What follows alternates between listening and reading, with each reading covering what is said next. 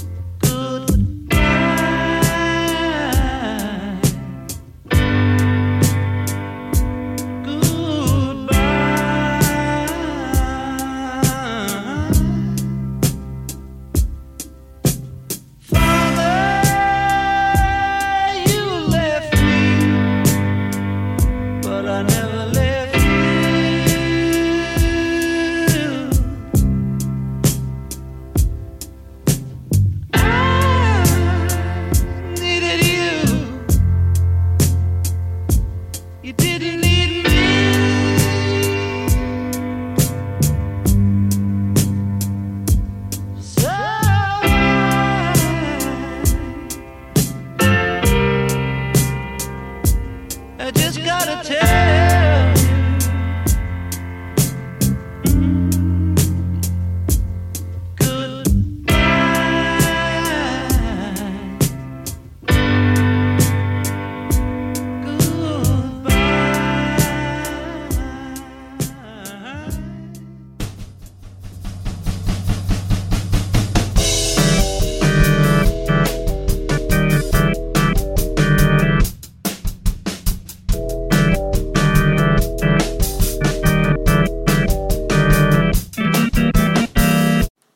Hejsan hejsan Annika! Hallå hallå! Nu sitter vi här igen. Ja det gör vi. Och hösten börjar närma sig. Verkligen och idag regnar det ute. Riktig höst idag faktiskt. Ja, då känns det skönt att krypa in i studion och mm. prata om psykoanalytiskt tänkande. Mm, precis. Eh, förra gången pratade vi om Freud och Klein, eller man kan säga så här att vi hade en tanke om att vi skulle faktiskt tala om ett antal teoretiker som vi har nämnt mycket här i de olika avsnitten. Och det är då Freud, Klein och Winnicott och Bion. Mm. Men under resans gång förra avsnittet så upptäckte vi ju fast att jag försökte få in Bion lite där men då började vi förstå att det här hinner vi inte. Så att det blev del ett och nu är vi inne på del två. Och det betyder att idag kommer vi att prata om de här. Donald Winnicott och Wilfred Bion. Eh, och eh, de är ju ganska jämnåriga. De levde ungefär samtidigt. Annika Koster och Lena Lundqvist är socionomer och legitimerade psykoterapeuter. De är verksamma vid Göteborgs psykoterapiinstitut. De pratar på om psykoanalytiskt tänkande och psykoterapi. Hur tänker vi? Ska vi ta dem i tur och ordning tycker du eller hur ska vi gå tillväga? Alltså jag tänker väl att vi kan berätta lite, vi börjar lite med deras liv ja, faktiskt. Det gör vi. För att om man tänker den tiden som ju mycket av det psykoanalytiska tänkandet också liksom utifrån Freuds tankar sen vidareutvecklades. Mm. Det var ju mycket i den brittiska psykoanalytiska mm. föreningen. Eh, 20, 30, 40, 50, 60-talet. Mm. Det är ju väldigt viktiga år. Så att säga. Och, och, det hände mycket då och det var ju också då de här två personerna var verksamma. Mm. Bion och eh, ja. Bion, eller Bion, eller Bion, jag vet inte riktigt hur man uttalar det egentligen. Det spelar ingen roll. Bion eh, nämnde jag lite förra gången. Han, hans första tid i livet är ju ganska intressant och har påverkat hans teoribygge jättemycket. Mm, hur då, då? Det var ju det här att han föddes i Indien och föräldrarna jobbade där i, i kolonialväldet då. Och när han är åtta år då så åker mamman med honom till England och placerar honom på en, en internatskola.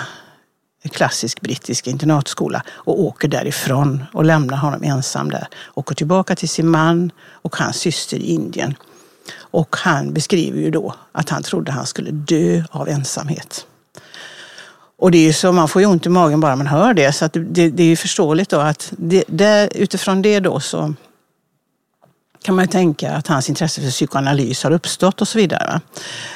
Eh, och att han eh, erfar en fruktansvärd smärtsam barndom eller där, eh, de skolåren där. Och han, som man tänker då att han kanske löste det på det sättet att han han trodde nog att han skulle bli galen också förmodligen. Eftersom han kommer att jobba sen väldigt mycket med psykos och schizofren och, så och det här med tänkandet och hur man blir galen. Att han genom att han blir väldigt duktig i idrott. Mm. Så att han skaffade sig någon form av muskelpansar mm. och kanske också fick en social tillhörighet där som gjorde att han överlevde helt enkelt, kan man säga, de här åren. Sen är det intressant med honom att han är då född i slutet på 1800-talet, men då, när första världskriget bryter ut så tror jag att han eh, ansluter sig som volontär, fast han är bara 17-18 år. Då eh, går han ju in i första världskriget som soldat, så han har ju också enormt mycket militära erfarenheter. Först från första världskriget som soldat i, så att säga, i första skottlinjen. För han blev ju väldigt eh, så att säga, framgångsrik i det militära och var väldigt modig och eh, fick flera medaljer, så att säga, eller såna här eh, benämningar på grund av det. Och han var ju då chef för någon stridsvagn under flera år. Eh, och eh, jag läste i, jag tror det är den här, i Simmington har skrivit en bok om Bion. Eh, och eh, att han, om det står kanske i hans självbiografi, för han skrev någon självbiografi i alla fall om de första åren, eh, första tiden i sitt liv, att han vid något tillfälle då körde den här, han var, körde den här stridsvagnen genom meter av taggtråd både under och över jord, över fiendelinjen. Va? Och, eh, och de blev beskjutna och han blödde fast han upptäckte inte själv. Han bara körde på och sen stängde de alla fönster eller luckor eller vad det heter på en stridsvagn. Så de såg ingenting, de körde i blindo tills den här stannade. Och sen går han ut och öppnar eld mot de tyskarna då och får dem att retirera. Sådana här fruktansvärda... Han såg en, en kamratsoldat få huvudet avskjutet mitt framför sig. Va? Så han har enormt mycket trauma från den militära starka upplevelsen. Men var då eh, en av de som överlevde och det innebar en viss skuld också. Alltså en överlevnadsskuld. Men är det härifrån det här, han, han myntade väl det här den här tankegången eller citatet att kunna tänka fast man blir beskjuten. Ja, precis. Mm. Han menar att som terapeut måste man tänka under, kunna lära sig tänka under beskjutning. Mm. Han använder jättemycket militära metaforer från den tiden mm. och det kommer också påverka. Sen under andra världskriget så eh, är han med och bygger upp Tavistock. På slutet på 40-talet. Du får berätta lite vad det är då, Tavistock. Ja, från början var han ju med och byggde upp det och då tror jag det var en, en, en verksamhet som jobbade då med, hade psykoanalys och psykodynamiskt tänkande, och jobbade mycket med grupp tänkande och utifrån kriget att man skulle kunna Meningen var att man skulle hjälpa de här psykiskt skadade soldaterna att återföras till andra världskriget, va? in i strid igen. Jag tror det var uppdraget. Han jobbade där på psykiatrisk klinik på Tarvis och de försökte få de här soldaterna att återvända till kriget. Då. Men under tiden där blev han väldigt intresserad av det här med gruppfenomen och det har ju också med kriget att göra naturligtvis. Att, att han, eh, och det var ju hans första teoribygge sen. Och det, det utvecklades mycket på Tavistock. Och nu idag finns ju Tavistock kvar också. Vi har ju varit där jag och du. Mm. Vad var det vi var? Var det barn och ungdom ungdomsforskning eller vad var det vi var? Ja, och sen var vi väl där på en utbildning om hur man jobbar med barn ja. under fem år. Ja, mm. just det. Kring Precis. Ja. ja. För de bedriver ju idag också forskning, jag tror det heter väl Tavistock Institute of Human Relations eller något sånt där, bedriver ju då mycket forskning om barn, men även sociala frågor tror jag. Och ja, de har väl en klinik också kanske, men mm. jag tror det är mest forskning. Men, jag, men, men det är ju idag också en väldigt känd institution. Men han var ju och startade den. Eh, och eh, det här med grupper blev ju hans första teoribygge så att säga, som han då skrev om. Mm. Och det är lite intressant för det används ju idag jättemycket i massa olika sammanhang som inte har med psykoanalys att göra. Så använder man ju Bions grupppsykologi. Och vad är det han tänker där då? Ja. Ja, Ja, du kan. Du kan. Nej, Ja, ja. jag bara tänkte att man ska docka honom. Ja. Jag kommer att tänka på, för att vi pratade ju om Klein sist. Ja, mm. Och Björn tillhörde ju Kleins Absolut. anhängare. Mm, mm. Och många av dem, och även eh, andra, kom ju att arbeta på Tavistock. Ja. Och han var en av dem som byggde upp det. Mm. Men Björn tillhörde ju Kleins anhäng- anhängare. Ja, ja. Och det var ju, och det, det var ju mycket konflikter inom den här brittiska psykoanalytiska föreningen. Och eh, där var ju han en av hennes anhängare och byggde ju vidare på hennes Absolut, teoribygge. ja. Det som vi pratade om förra gången. Ja, I första hand gjorde han ju det. Ja. Precis. Men eh, det är också intressant, om vi ska gå tillbaka till hans liv, då, att sen då så eh, efter kriget då så, så eh, Eh, började han studera historia tror jag och, eh, och sen så läser han till läkare. Men sent blir han ju intresserad av psykoanalys och jag, jag tror att han hade gått i terapi där på Tavistock förmodligen, men att han ville ha något mer så han fick intresse för psykoanalys. Och eh, han, eh, kanske på grund av sina erfarenheter av sina föräldrar sin mamma framför allt, att han var väldigt blyg och hade lite, var lite sen med kvinnor om man säger så. så han gifte sig väldigt sent, han var uppemot 50 när han blev pappa och då dör ju hans fru, det nämnde jag kanske förra gången, på förlossningsbordet i princip. Eh, och eh, Parthenope, som hon heter, hans dotter, hon, det blev ju en väldigt blandad känsla inför henne. På grund av det naturligtvis. Att hon var liksom förknippad med hans älskades ja, död ja, också. Då. ja. Men så det slog ju ner honom väldigt mycket till marken. Men då, precis innan kriget eller i samband med det, så började han en analys hos Klein. Och det gör att han, går i många år, att han så småningom träffar en ny kvinna, Francesca, på Tavistock och får två barn till och eh, lyckas komma vidare så att säga, från den här, det här traumat. Men det intressanta med Parthenope, det finns en liten berättelse där som är ganska obehaglig. Där han, när hon är väldigt hon växer ju nästan upp bara med... Vad hette hon? Hon heter Parthenope eller Parthenope eller något sånt. där. Aha. Jag slog på det faktiskt och det är grekiskt. Aha. Från grekiska mytologin. Och det, det är namn på de här sirenerna fanns ju sådana som hette det. De var slags kvinnliga väsen som då var förknippade med död på något sätt tror jag. Så det var ju, sen är det väl en stjärnbild tror jag. Så att det kanske är ingen slump att hon har ett så märkligt namn med tanke på hans eventuella... Jag tror att de, jo, de lockade till sig sjömän, de här sirenerna. Och så dödade de dem, tror jag. Så att, men hans ambivalens inför den här dottern visar sig i ett ögonblick som finns beskrivet och det har han ju själv berättat om i sin eh, självbiografi tror jag, eller någonstans. Så det är ju ingenting. Han har ju då en guvernant, den här flickan växer ju upp nästan med barnflicka hela tiden då, i alla fall första åren. Så att hon har ju också en svår uppväxt, hans dotter, precis som han. Det är intressant. Moderlös faktiskt och han kände sig kanske moderlös i själen då. Va? Så att hon, när hon är bara något år och inte kan gå än, bara kryper, så är hon någonstans i trädgården där han bor då. Och så börjar hon skrika när hon inte ser sin pappa. Hon ser inte barnflickan heller, så hon blir skriker sådär hysteriskt och jätterädd. Då hindrar han barnflickan från att gå fram och ta upp henne. Eh, Hjälp. under, alltså du vet, det, det behöver inte handla om många sekunder eller minuter. Och hon skriker då hysteriskt, hjälplöst, förtvivlat. Och till slut så eh, sliter sig barnflickan loss och, och struntar i bion och går fram och lyfter upp henne och lugnar ner henne. Och då säger han så här att, eh, att eh, det var ett ögonblick att, att han hade liksom, jag hade förlorat ett barn. För han, och det är det som jag tänker som vi pratade om att Breivik sa. För att bli av med smärta måste man vålla smärta. Att han på något sätt i något ögonblick blev, blev tillbakapassad till sin egen barndom och utsätter sitt barn för exakt samma beteende som han har själv blivit utsatt för, tänker jag. Alltså de här schizoida dragen som man får av det. Eh, och, men då är han ju, han är väldigt brutal mot sig själv. Han försvarar inte sig själv utan han bara konstaterar att där förlorade han ett barn. På grund av det här. Så det, där, utifrån Ja, det det, väldigt det, är drabbande jättedrabbande. faktiskt. Ja, därifrån utvecklas ju också hans teorier om tänkandet som ett sätt att lösa stark smärta.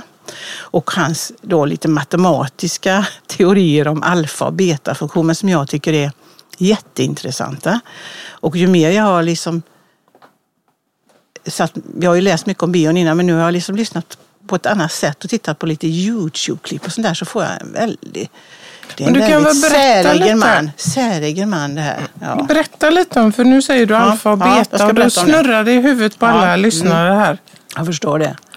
Vi har varit inne på det innan, tror jag. Kanske inte. Nej, men han utvecklar ju en teori om tänkandet och det är det han är mest känd för kanske.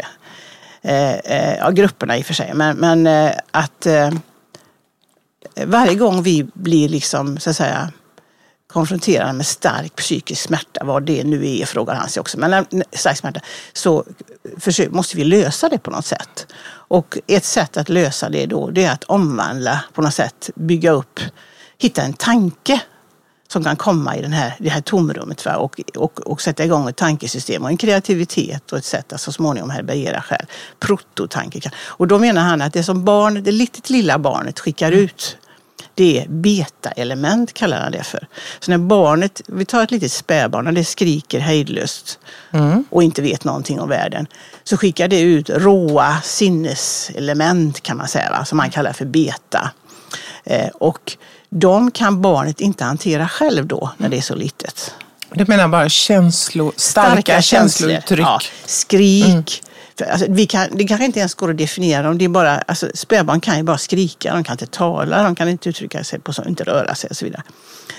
Eh, och de elementen då, beta-element, de kräver en vårdare, någon som tar emot dem. De kan inte bara skickas ut, för barnet kan inte ta hand om dem själva när det är riktigt litet. Och då behövs en alfafunktion och det är det som är så att säga, förälderns uppgift då att ta emot de här och omvandla dem till alfa-element. För alfa-element då enligt är de här tänkande elementen, vi gör om det till tankar som vi kan tänka om, vi kan reflektera, vi kan bygga vidare och vi kan härbärgera ångest genom tankar. Så tankar, han menar ju att tankar och känslor hör ihop. Det går inte att särskilja det från vartannat, det är rätt intressant.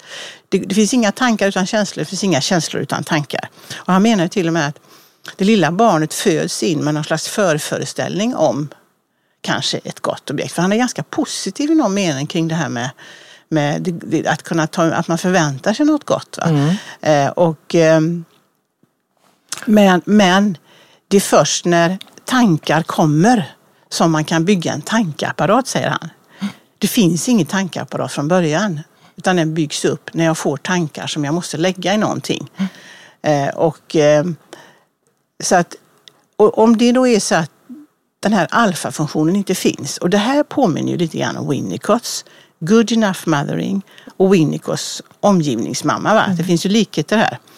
Att man lägger en vikt vid yttervärlden. Där skiljer han sig från Klein också menar. Även om han är Kleins efterföljare så bygger han en väldig vikt vid att barnet kan inte klara det här själv, menar han ju. Det går inte. Det måste finnas någon som tar hand om det. Och som har så pass, så att säga, lugn i sig så att det kan härbärgera det och omvandla det till någonting och så ge tillbaka till barnet som sen så småningom kan ta hand om det själv. Så det, den här liksom bilden som vi brukar använda, det här med barnet som skriker på spårvagnen Ja, till ja. exempel, är en bra beskrivning av detta.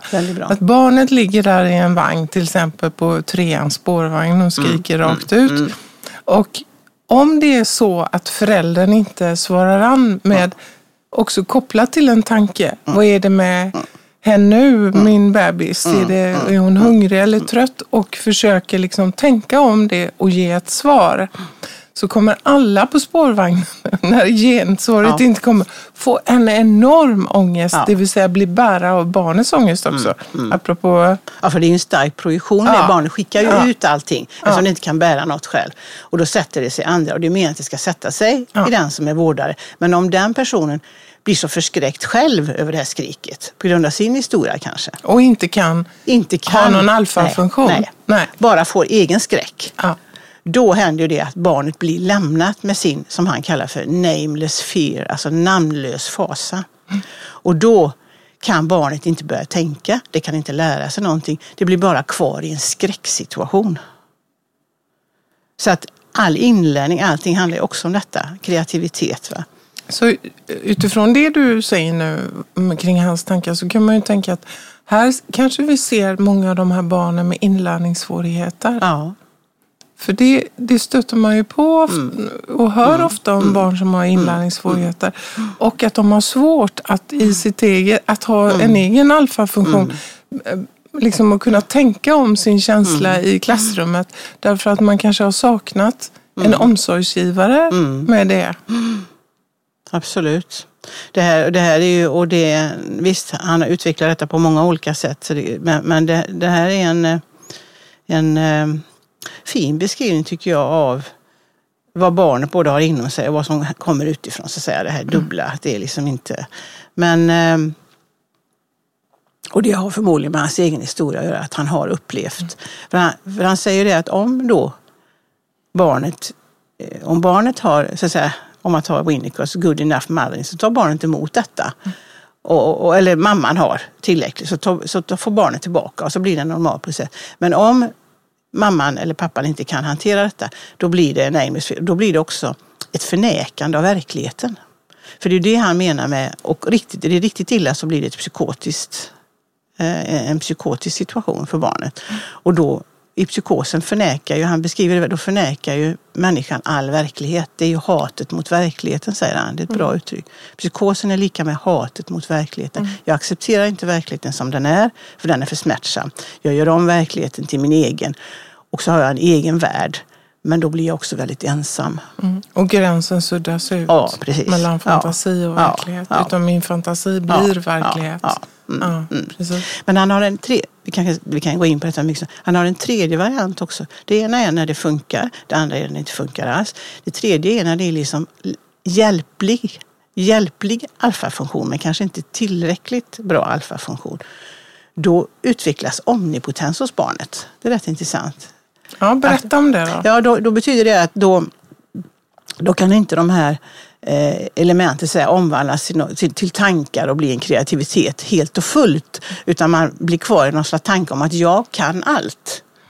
Men man blir inte psykotisk utan man lägger sig mitt emellan om du förstår vad jag menar. va? Så det är lite intressant de här graderna då. Mm. Jag har Omnipotenta. Mm. barn som säger att nej, det som förnekar liksom eh, olika saker Mm. eh, som kan det bli problem också på förskola och skola. Som har en egen värld där man alltid vet brett. Man kan allting. Ja. Så man kan därför inte lära sig så mycket nytt heller. Min mor ville veta varför jag som hatar familjer så mycket gick och skaffade en. Jag svarade inte min mor. Det jag hatade var att vara barn. Att inte kunna välja vilka jag skulle älska. Ur brun cirkel av Louise Glick. Tycker du ger en väldigt bra inblick i hans liksom, värld och hans Mm, tankevärld.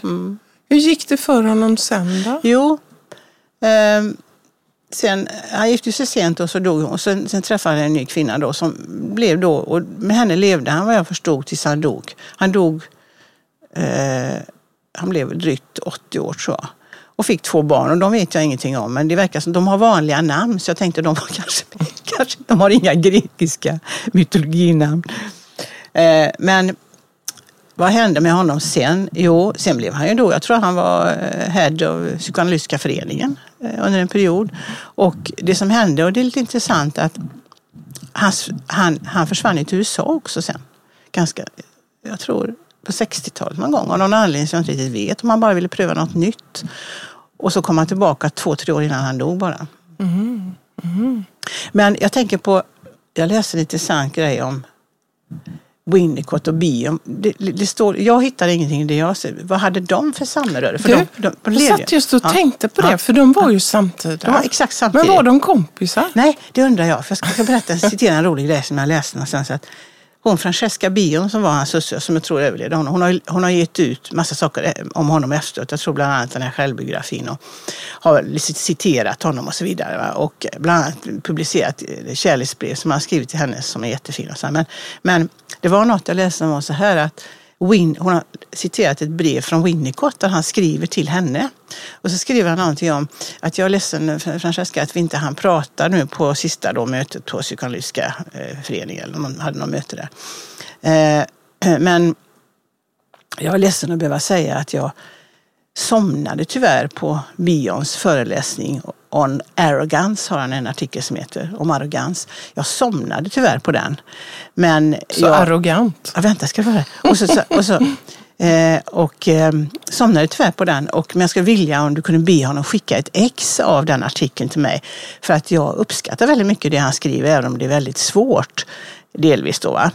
Och jag håller inte med Pearl King, så hänvisar till någon annan analytiker som antagligen var väldigt kritisk mot bion. Men jag tänkte precis, det, det är jävligt arrogant att skriva mm, så. Verkligen, och lite aggressivt. ja, precis. Så att jag fick en känsla av att i det lilla snittet bara Winnicott kanske var lite hotad av bion. För att de uttrycker sig väldigt olika. Mm. Verkligen. Och jag tänkte på det. Jag, bara jag... Säga, jag lyssnade på en Youtube-föreläsning av Bion som han gjorde ett år innan han dog. Som ligger på Youtube som var och en kan lyssna på. Det heter eh, ja, 78 Tavistock någonting. Det finns inte många klipp så det är lätt att hitta. Det är på en timma. Men det är så, och det finns undertext på engelska, det är spanska annars om man kan leta fram. Om man vill. Och då måste jag säga att då blev jag väldigt fascinerad. Han, han talar väldigt långsamt på brittisk engelska och har sentenser som är så mättade. Så man måste liksom spela. Jag tror jag har lyssnat på honom två gånger om och om igen. Jag skulle ändå inte kunna referera till riktigt vad han sa. Mm. Men när jag lyssnar på det så är det jätteintressant. Han vänder lite grann, han fördjupar lite grann det psykoanalytiska mm. tänkandet. Han för in något, något, vad ska jag säga, något mer Alltså, eh, han säger bland annat, någonstans, jag vet inte om det är där han säger, han säger bland annat det här tycker jag som är så bra, att, att det är många människor som har mycket kunskap men lite vishet. Och de ser inte skogen för alla träna. Och sådana människor är väldigt jobbiga att lyssna på. Jag tycker det är väldigt bra. Va? Kunskap, det är att mata ut, som vi kan sitta och göra här ibland, olika teorier. Så här, jag kan så mycket. Va? Men är det någonting att lyssna på egentligen? Alltså, har, han har sådana meningar som man måste liksom... Som man kan suga på länge. Man kan suga på länge. Och, eh, så att jag kan tänka mig att han var, eh, gick verkligen sin egen väg mm. va? och stod för sig själv. Va? Och att han ger sig iväg till Los Angeles. Ja. Det, liksom, det är väldigt obrittiskt om man säger så. Ja. Och jobbar där i sju, åtta år. Ja. För att han ville något nytt kanske. Men jag tänker på det för att uh, han... Alltså jag läste en bok i somras som, av eh, en författare som heter Phyllis Grosskurt som mm. har skrivit om Klein egentligen, mm. om Kleins liv och så. Och där, eh, det är en, hon beskriver också just också om den här lilla gruppen kring, kring mm. Klein. Mm. För att få en lite utanförblick på Björn. Ja, ja. Och då var det någon som skulle gå på ett seminarium och Klein var ju alltid The Queen ja. Ja, i mitten och så mm. satt hennes anhängare runt omkring. Och, och Björn var ju verkligen sin egen, men det ja. var ändå så. Och då var det någon som skulle eh, gå med i denna grupp eller sitta och lyssna och så. Och som kände lite grann det som Winnicott beskriver där. Mm. Att det var så självhögtidligt, mm. det är ordet mm. som man brukar mm. använda. Alltså de var så uppfyllda av sig själva och sitt eget allvar och mm. liksom mm. hur viktigt det här var. Så att det var väldigt svårt att komma in. Det var ja. väldigt lite, apropå Winnicott som vi snart ska komma in på nu, väldigt lite lek. Ja, precis. Ja. precis. Och, och, det var liksom någon slags mm. utanförblick och det mm. förtar ju inte Björns verk. Nej, för, Men nej, jag tror nej. att Eh, jag vet inte, om jag ska, ska jag... Ja, fast jag, jag, jag, jag, måste protestera lite grann för jag uppfattar inte honom så alls. Nej. Att det inte finns lik, utan det finns väldig självdistans, det finns en väldig självkritik. Fast på, alltså, nej, det är lite svårt att beskriva. Men ja. det, är inte, det är inte det här lättsamma lek. Men det, det är, är naturligtvis något... komplext, ja, men ja. det jag kan tänka var mm. att på den här tiden så var det ju, alltså det fanns ju tryck kring vilket, som vi beskrev lite förra gången, den här brittiska psykoanalytiska föreningen mm. präglas ju också ja. av väldigt mycket splittringar. Ja. Och det gällde ja. att veta vilket precis. gäng man tillhörde. och att hålla sig till det mm. gänget. Och det var ganska strängt. Mm. Och Klein tillät, tillät ju inga liksom utsvävningar nej, direkt nej, utan nej. hade ju sitt eget teoribygge ja, som hon ju naturligtvis mm, vaktade på. Mm, mm. Apropå Klein så läste ja. jag i den boken till exempel att på slutet när hon jobbade ja, kliniskt så hade hon så långa, långa tolkningar. Ju äldre hon blev desto längre blev hennes tolkningar. Och den här författaren skrev att på något sätt så fanns det en känsla av att hon skulle få bevara och få in i mm. varje tolkning mm. så skulle teori teorin liksom ja. sättas. Ja. Ja. Så att liksom bekräftas. Och det är men, du, att det... men du, när dog hon då? Vad är det för, har vi för årtal här? Vi ska se hur länge de levde efter henne. Det kan vara intressant. Bara helt plötsligt slog det mig. Ja, Klein... Winnicott dog ju först 71 eller något. Va? Sen dog Bion 75, 76 något tror jag. Nej, 79 dog han. Ja, hon föddes ju 1882. Och när dog hon nu då? Vi pratade ju om det sist. Mm. Nu, ja. Hon dog ju på 60-talet tror jag va? Ja. Do, 60 dog hon. Ja, ja. Ja, Så då levde Winnicott 10-11 år efteråt Ja. och Bion eh, nästan 20. Ja. och jag, jag skulle vilja utifrån det här med Björn nu då gå vidare och så kasta oss tillbaka lite till London på den tiden. Jag tänker på det du säger om Björns krigsupplevelser. Ja. Och på något sätt är det ju så att liksom, den psykoanalytiska rörelsen på den tiden drevs ju också fram av krig. Utvecklingen, krig, och det är ju det som är både ekonomiskt och annat. Det har vi ju sett genom historien. Att de här fruktansvärda krigen och första världskriget med alla dessa miljoner döda driver ju också fram någonting efteråt. Vi måste ta hand om de här krigsskadade. Och som i Winnicotts fall, vi måste ta hand om alla barnen som vi evakuerade från London ut på landet. Och vad gör vi med dem när de kommer tillbaka hem? Hur ska vi förstå, liksom, vad, hur ska vi ta hand om detta? Va? Och den brittiska psykoanalytiska föreningen, det vi pratade om sist, var ju också att innan kriget så fanns det ju väldigt mycket liksom bland de intellektuella i London. Det fanns en jordmån i London. Så det var ju många som tog sig från Europa, av, från psykoanalytiker till London och fann en fristad där. Och det hade ju i, i någon mån också drivits fram av att det fanns en, en stark intellektuell rörelse innan kriget, för andra världskriget, mot, eh, mot det viktorianska. Mot en större öppenhet kring homosexualitet, kring tabun, kring alltså, och så. Det här Bloomsbury-gruppen som vi pratade om sist. Där Virginia Woolf bland annat var ju en av dem som tillhörde den gruppen. Men Winnicott, han, han är ju samtida med Björn och han föds 1886. Och han växer upp i ett medelklasshem med en pappa som var affärsman och, eh, och systrar. Så han var den enda. Pappan var borta väldigt mycket under Björns, eller vad säger jag, Winnicotts första år. Så han var omgiven av kvinnor. Tjänstekvinnor som fanns i huset som skötte maten och systrar och mödrar. Och han var den enda sonen. Så han var ju väldigt omhuldad och hans andra fru har skrivit kring hans barndom, Claire Winnicott, att ja, han hade en barndom som var too good to be true. alltså nästan för bra. Va? Ja, ja. Och det är intressant med hans eh, begrepp good enough. Att han hade liksom, man brukar säga det att, att, att barn behöver liksom näring och, och, och, och omsorg och så för att bli människor. Men det finns vissa som kanske inte bara får mjölk utan får grädde. Ja, precis. Grädden. Och Winnicott var, var väl ett gräddbarn. Ja, ett gräddbarn. Ja. ja, men han hade också påtryckningar från pappa att han skulle gå vidare in och, och överta hans, eh, bli affärsman och, och så. Men det ville inte Winnicott. Han ville läsa medicin. Och där var det liksom någon slags första steg kring någon slags oberoende. Att han ville välja sin egen väg. Så han blev eh, barnläkare och kom ju att verka sen som barnläkare i London på Paddington Hospital i över 40 år. Och mycket av det han gjorde inom psykoanalysen hade ju sin grund i barn. Ja, så där hade de lite olika perspektiv. Men f- Winnicotts intresse för psykoanalys väcktes också av kriget. För han var sjukvårdare under första världskriget. Och verkade nere i Frankrike. Eller, ja. Och när han kom hem så drömde han ingenting. Nähä. Han drömde, han kom inte, han, när han sov, han kunde inte komma ihåg en enda dröm. Och det var det som fick honom att börja läsa drömtydning och Freud. Så det var hans ingång. Det var också en koppling till kriget. Det har jag läst. Han kanske hade drömt mer tidigare så han var van vid att komma ihåg sina drömmar Ja. som han reagerade på det. Ja. Adam Phillips har skrivit en, en biografi över, Mm. eh, över Winnicott som ja, jag läste i. Men i alla fall, han drömde inte. Och det var det, så någon form av lidande Mm. var hans väg in i, eh, i psykoanalysen.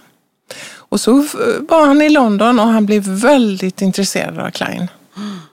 Så han eh, började ju eh, anmäla sig till att bli psykoanalytiker och gå utbildningen och så. Och han ville han bör, det började med att han tog en, några barnärenden till Melanie Klein och fick handledning av henne. Mm. Och han tyckte det var superduper. Han gillade Ja, verkligen ja, Klein. ja. Så han, han ville gå i analys hos henne. Mm. Men hon gillade Winnicott.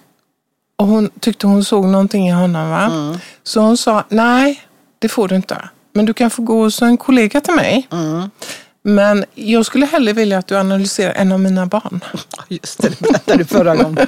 Ja, jag var inne på det förra gången. Och det var ju detta som Ja, var så ja, tokigt som vi berörde sist. Ja. Och han, han gjorde ju det. va? Mm, mm, Ja, men i alla fall så tillhörde ju han Kleingruppen. mm, mm. Och sen bröt ju de här, jag kommer inte ihåg hur mycket vi gick in på det sist med de kontroversiella Ja, diskussionerna. det. Mm. Och då, ja, att mellan Anna Freud och Klein ju. Så det var ju bökigt där en period. Men Winnicott började gå sin egen väg. Mm. Alltså han, han tillhörde Kleingruppen, men han började också utifrån sitt arbete började han liksom betona mer och mer, inte bara Kleins tänkande om det här med eh, att omgivningen inte hade så stor betydelse utan barnet föds in i världen med ett färdigt jag. Och Winnicott liksom börjar fundera kring det där och börjar röra sig mer och mer mot, nej, men det är ju omgivningen som har den största betydelsen för barnet, menar han. Det lilla barnet, apropå att du pratar om Björn och det lilla barnet. Så börjar han betona mer och mer. Så han myntade ju begreppet så här, det kan inte finnas ett spädbarn Nej. utan en förälder, slash modern, sa ju han då. Du kan, inte, du kan egentligen inte liksom prata om en spädbarn utan att se enheten mor-barn eller förälder-barn.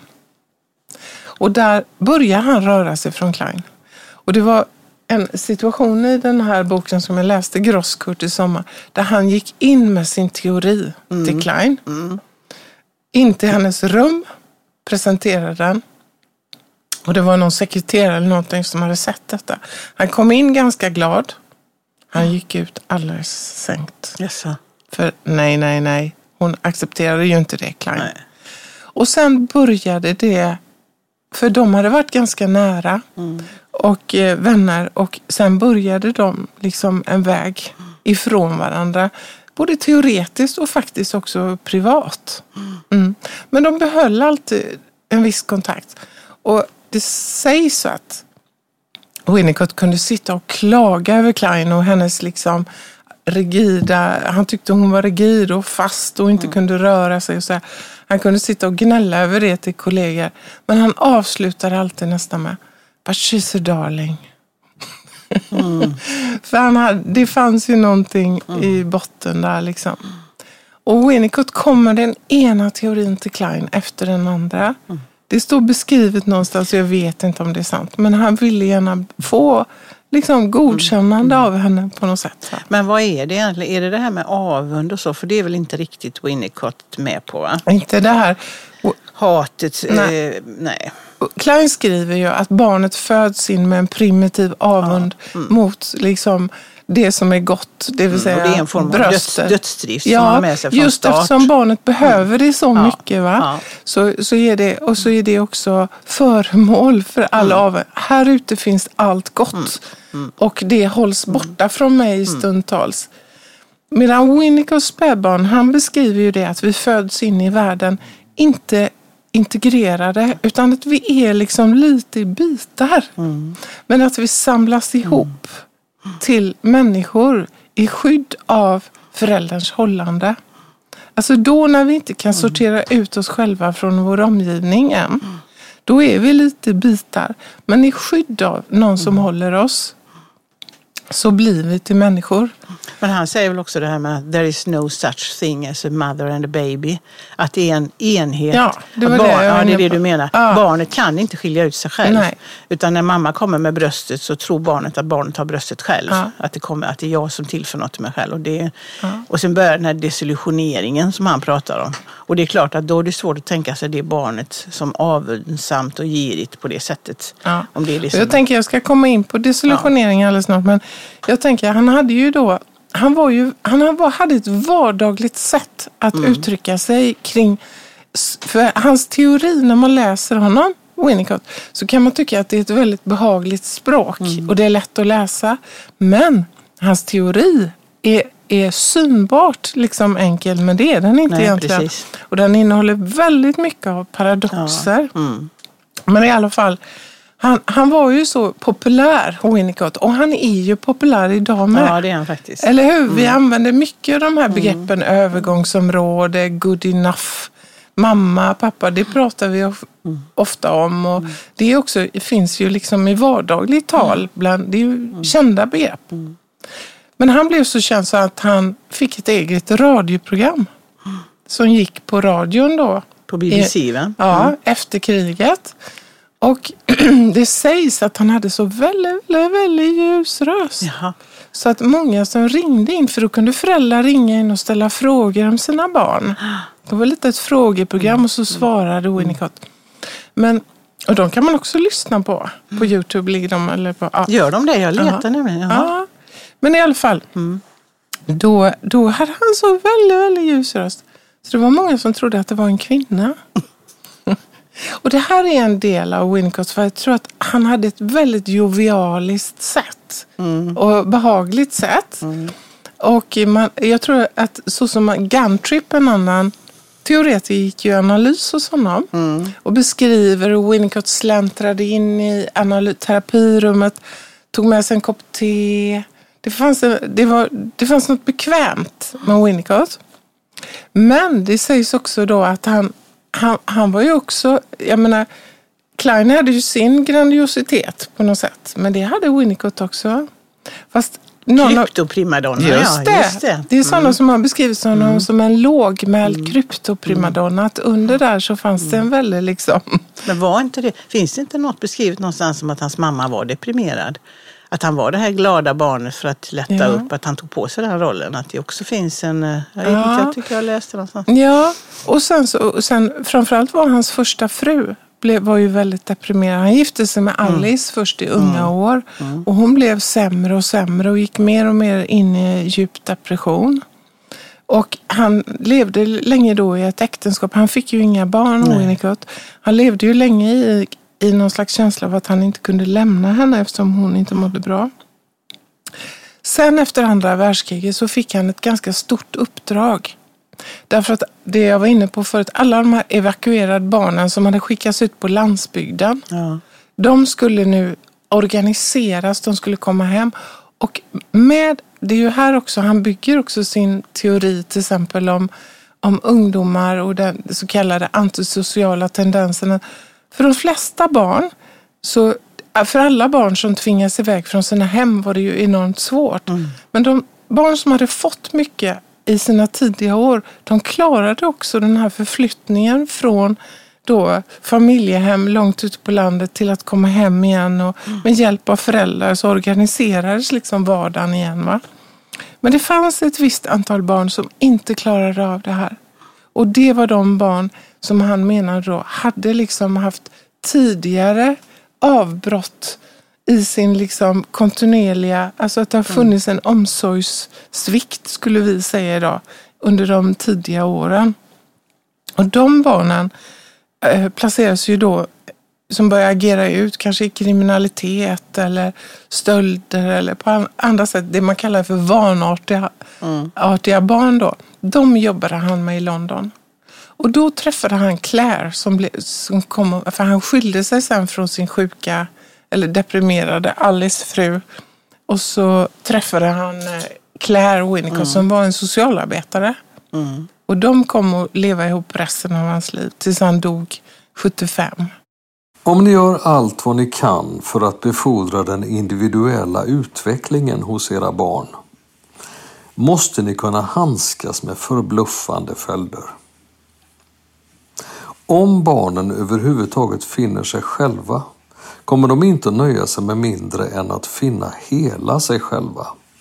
Och det innefattar aggressionen och de destruktiva element hos dem lika väl som de element som kallas kärleksfulla. Det kommer att bli en lång kamp som ni som föräldrar måste överleva. Ur lek och verklighet av Donald Winnicott när han träffade henne så blev det en väldigt produktiv tid. Så det var då han kom att skriva mycket av sina böcker.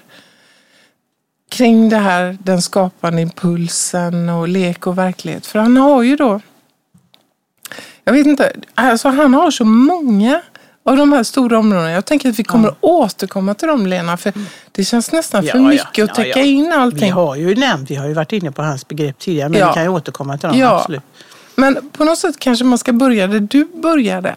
Kring Björn, kring det lilla barnet. Mm. Det vi pratade om där. Att hans tanke är att barnen föds in ointegrerat, alltså Mm. i bitar lite grann. Och att eh, i skydd av mammans hållande, och det är också ett begrepp, holding, Mm. som vi ofta använder och som är ett vedertaget begrepp. Att man behöver ett hållande. Och då sa han också det att rikedom i en människas liv baseras på monotoni. Ja, just det. Ja. Det Och med bra. det menar han då det här pålitligheten att nu är det mat, nu ska vi gå ut och gå en promenad, sen ska det bad på kvällen. Alltså det där som föräldrar ofta gör, liksom skapar en, en struktur väldigt tidigt. Det är också en, alltså håller ihop barnet och förälderns blick. Liksom. Och sen då det här, du, du var inne på det här med desillusionering. Så ser barnets allra första tid ut. Men under det här skydd av det här hållandet så börjar barnet glimtvis, för det är också fyllt av en tid att när man är ett, det han kallar för stadiet av absolut beroende. Att mamma och jag är ett. Och jag har skapat den här Ja, världen. precis.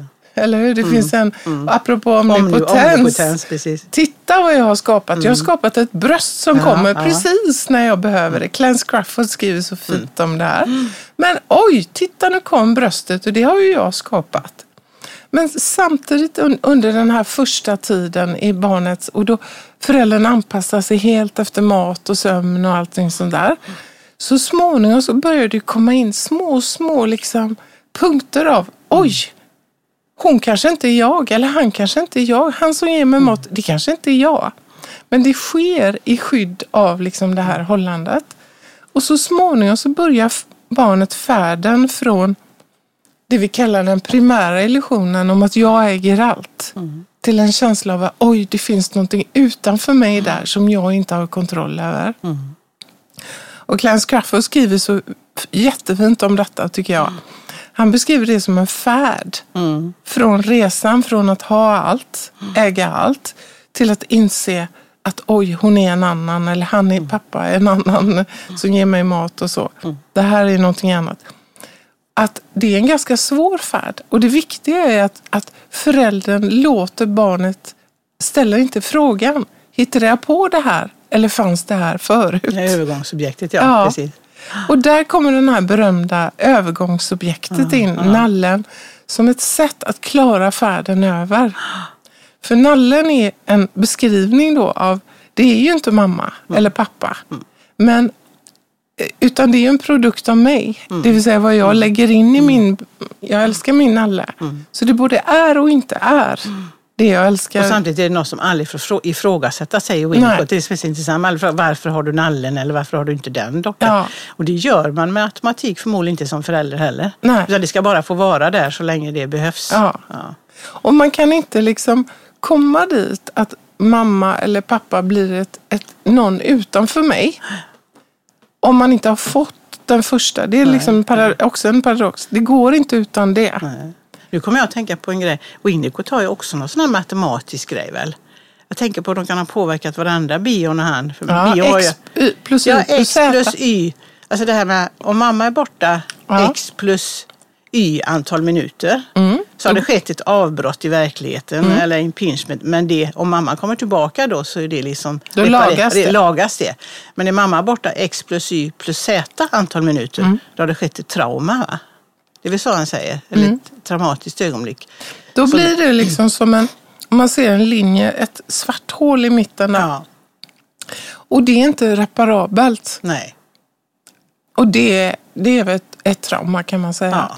Och det är ju det som kanske många, när man, man, mm, om jag söker terapi eller någon söker terapi, så kommer man ju ofta också för de där liksom glappen i väven, Ja. livets väv. Ja.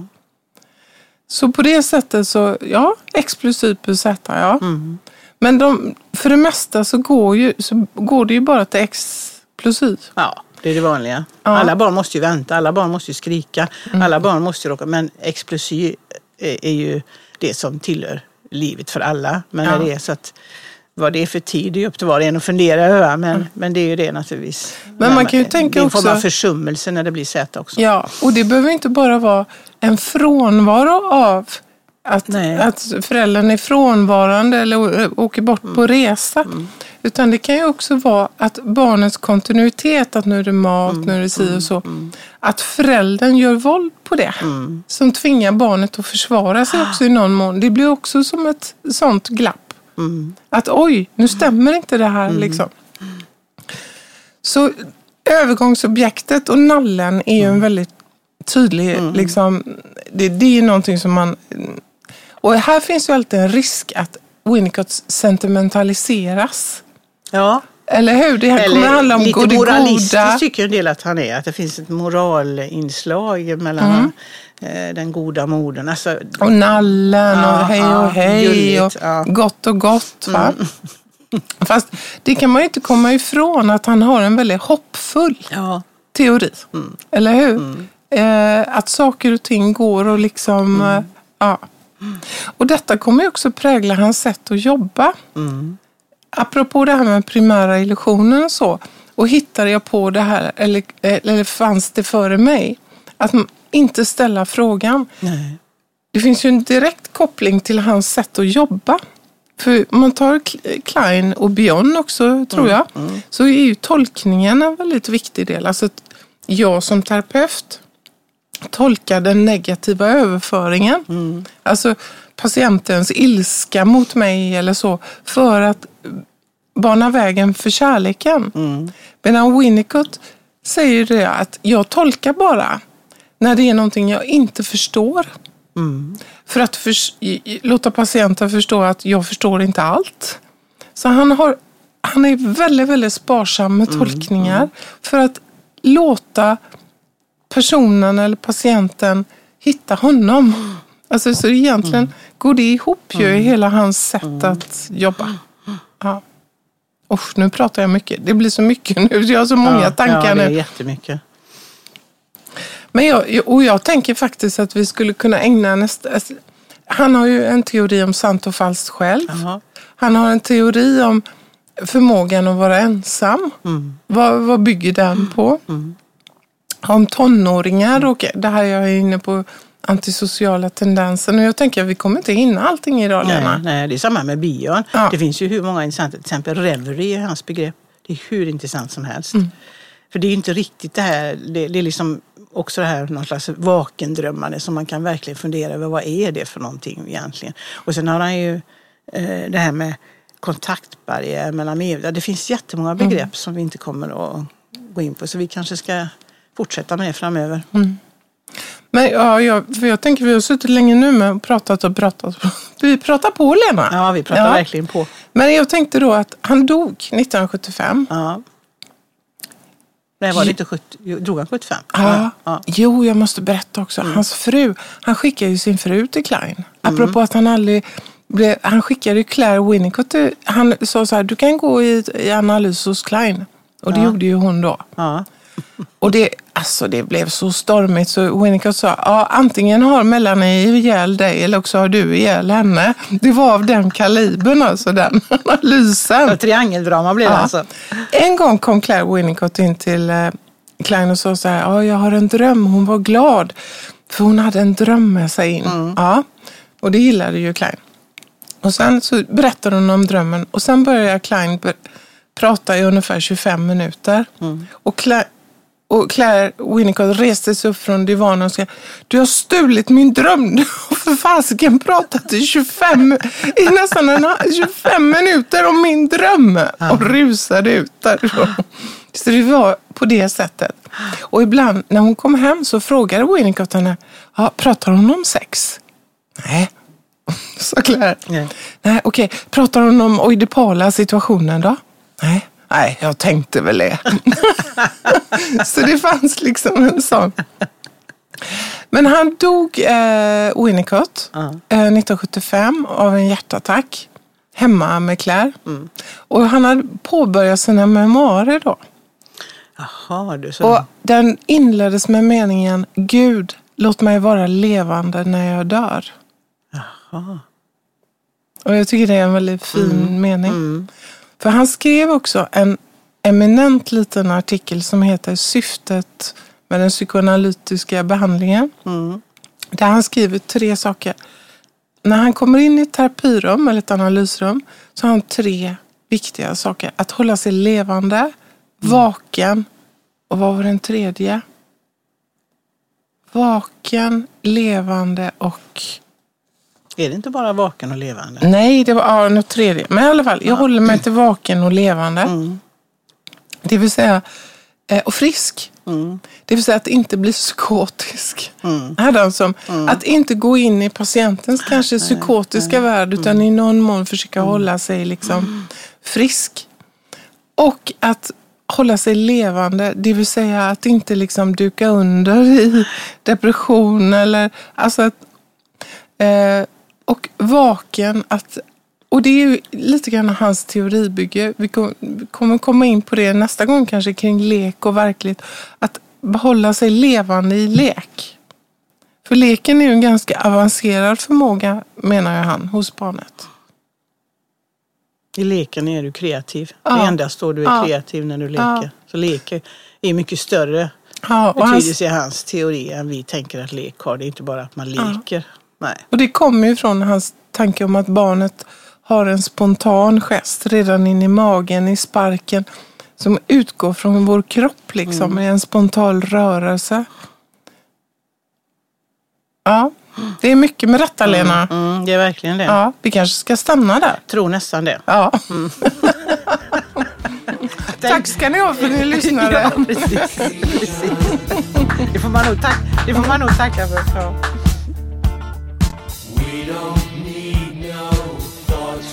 wrong.